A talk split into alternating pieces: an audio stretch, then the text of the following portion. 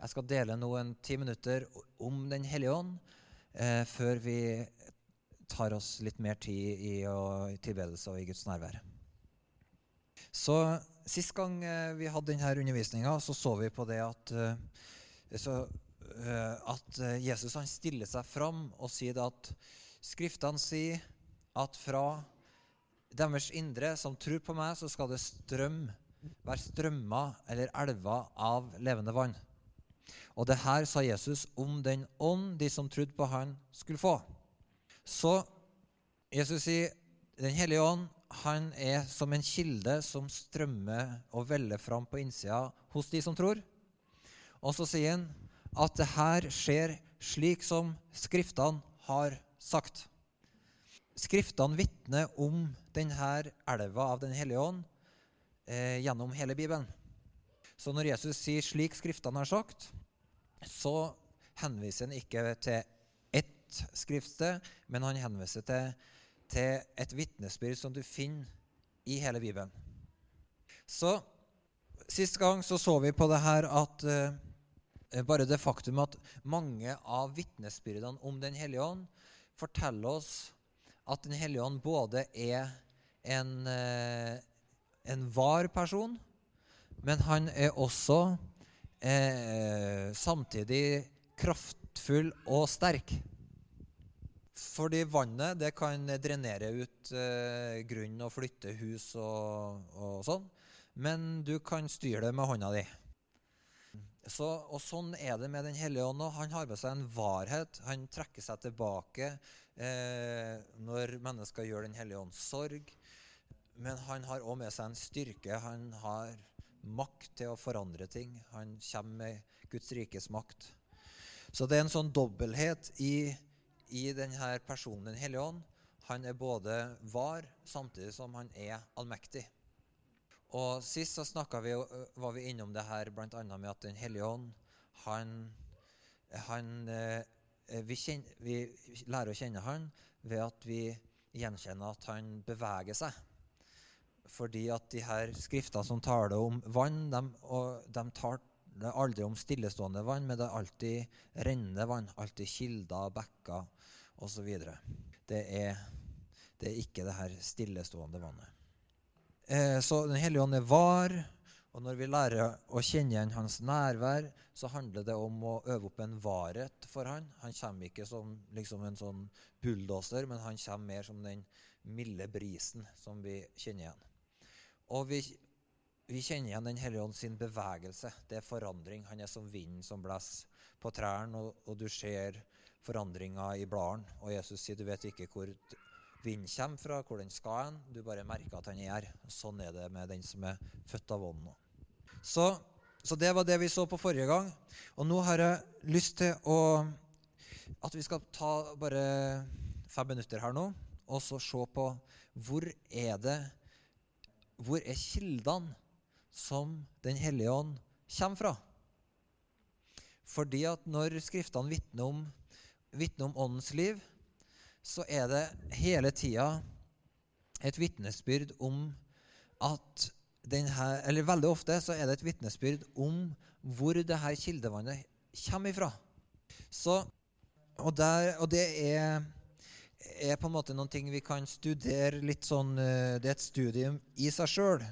Men, eh, så, så vi, vi, rekker ikke å innom alle de her, eh, her stedene. Men vi skal innom raskt innom i hvert fall to sentrale steder.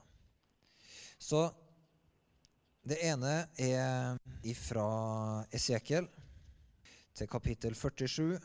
Her er det Esekiel som blir tatt med i et syn og ser eh, en eh, visjon av Guds hus, tempelet.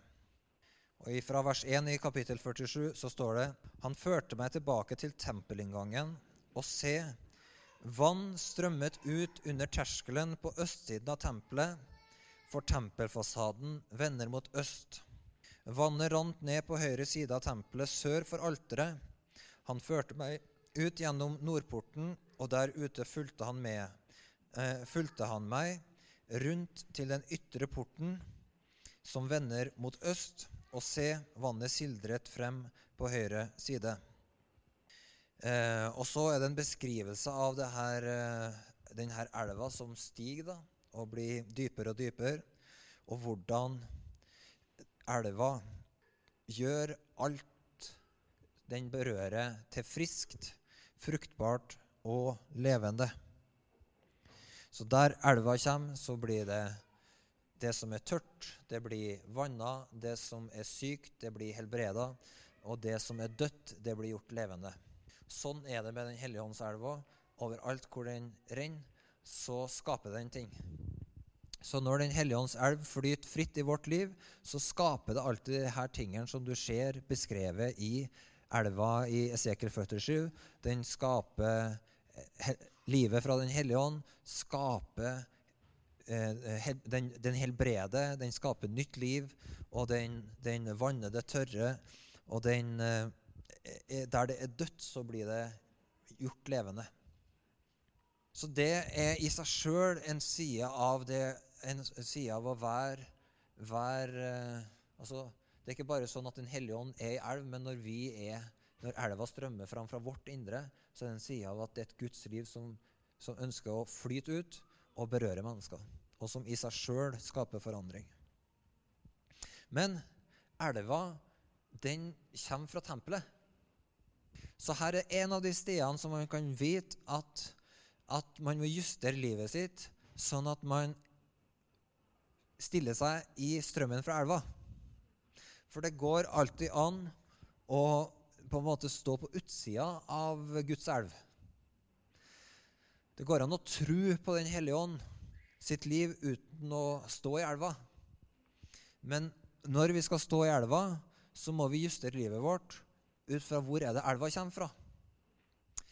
Og i dette avsnittet og det, Vi må komme tilbake til flere sånne avsnitt, men i dette avsnittet så sier Guds ord at elva strømmer ut av tempelet. Og tempelet er Guds hus, den levende Guds menighet. Så det betyr at når vi ønsker å stå i strømmen av Den hellige ånds liv, så må vi justere livene våre sånn at vi er der Guds hus er. Så det betyr at Jesus sier der hvor to eller tre samla i mitt navn, der er jeg midt imellom dere. Som kanskje er det minste uttrykket for Guds uh, menighet. Uh, Guds hus er ikke bygninger, det er ikke kirkebygg, men det er levende mennesker som er bygd sammen eh, til et hus for Gud. Så når vi ønsker å leve i elva, så må vi innstille livene våre sånn at vi er der Guds hus er. Fordi fra huset er det en frisk strøm av levende vann som flyter ut. Så det betyr vi trenger å være sånne som går til kilden, og kilden finner vi i Guds hus. Det er kilder i, i Når vi som kristne kommer sammen, så er det et sted der du blir forfriska, og det er kildevann. Prioriter livet sånn at du Det å leve et åndsfylt liv handler bl.a. om å innrette livet sitt sånn at man er på de stedene der elva renner. Der elva har et sånt utspring. Utspringet er ikke utafor tempelet, men det kommer innafra. Så forteller det oss òg at uh, det er flere ting vi kunne ha sett på. Blant annet så står det at elva kommer det, det, det, det første du ser, er at den liksom kommer forbi alteret, eller fra alteret. Ehm, og det forteller oss jo om noen ting om at det her Guds hus er kjennetegna av noen ting. Og alteret er jo et uttrykk for, eh, for, tilbedelse. Det er et sted der man legger ned sitt eget for å ofre til Gud og gi til, til Jesus. Sånn at i elva strømmer fram i Guds hus der det er tilbedelse. Der det er mennesker som ikke har et fokus på sitt eget, men som sier jeg er korsfesta med Kristus, er oppreist med Han. Og livet vårt, vi, grunnen til at vi er her, grunnen til at vi er tempel, grunnen til at vi er Guds hus, det er at vi ønsker å tilbe Jesu navn i ære til Han. Og det er et sånt kjennetegn på fra alteret i tempelet, så flyter elva friskt. Eh, når vi som Guds hus ikke bare kommer sammen og utveksler meninger eller, eh, eller drøfte våre utfordringer eller osv., osv. Men, men når det er et hovedfokus i det vi gjør, på å komme sammen og bringe ære til Jesus og tilbe hans navn, og la det være et sånt et alter i huset som hele tida bringer til Gud tilbedelse og lov og ære, så, så forløses det her kildevannet. Så frigjøres det der Den hellige ånd ønsker å komme fra for å velsigne. Bare nevne det, og det kan vi komme tilbake til, men i, når eh, Johannes ser en visjon av Guds elv i Johannes' åpenbaring, så ser han at den elva fra Gud, livets elv, som også i, eh, du finner i Johannes' åpenbaring beskrevet, så står det at um, i kapittel 22 av vers 1. Engelen viste meg nå en elv med livets vann, klar som krystall. Den springer ut fra Guds og lammets trone. Så på ene sida så ser vi at, at elva den flyter ifra, ifra tempelet, ifra Guds hus, med sentrum At den flyter ifra alteret, ut fra et fellesskap som tilber Gud. Og så ser på en måte Johannes det her fra en litt sånn annen, en, en annen vinkel. Og sier han nei, elva den kommer fra tronen. Så han sier det er de, elva, de som forstår i elva, det er de som innretter seg sånn at de, på en måte, livene deres er på linje med tronen. De innretter seg i forhold til tronen. Der flyter elva fra Gud med sitt liv. Så på en måte en annen måte å si at uh, det er de som tilber Gud, som står i elva og blir forfriska så sier han at det er, det er fra tronen at livets elv flyter.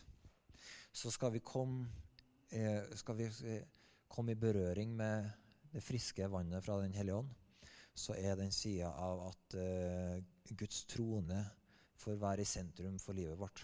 Herre, din vilje, ikke min. Jesus, du er konge. Innrett oss dag etter dag. Og da er det til og med sånn at i valgsituasjoner vi står i, så merker vi at når vi må velge mellom vår egen vei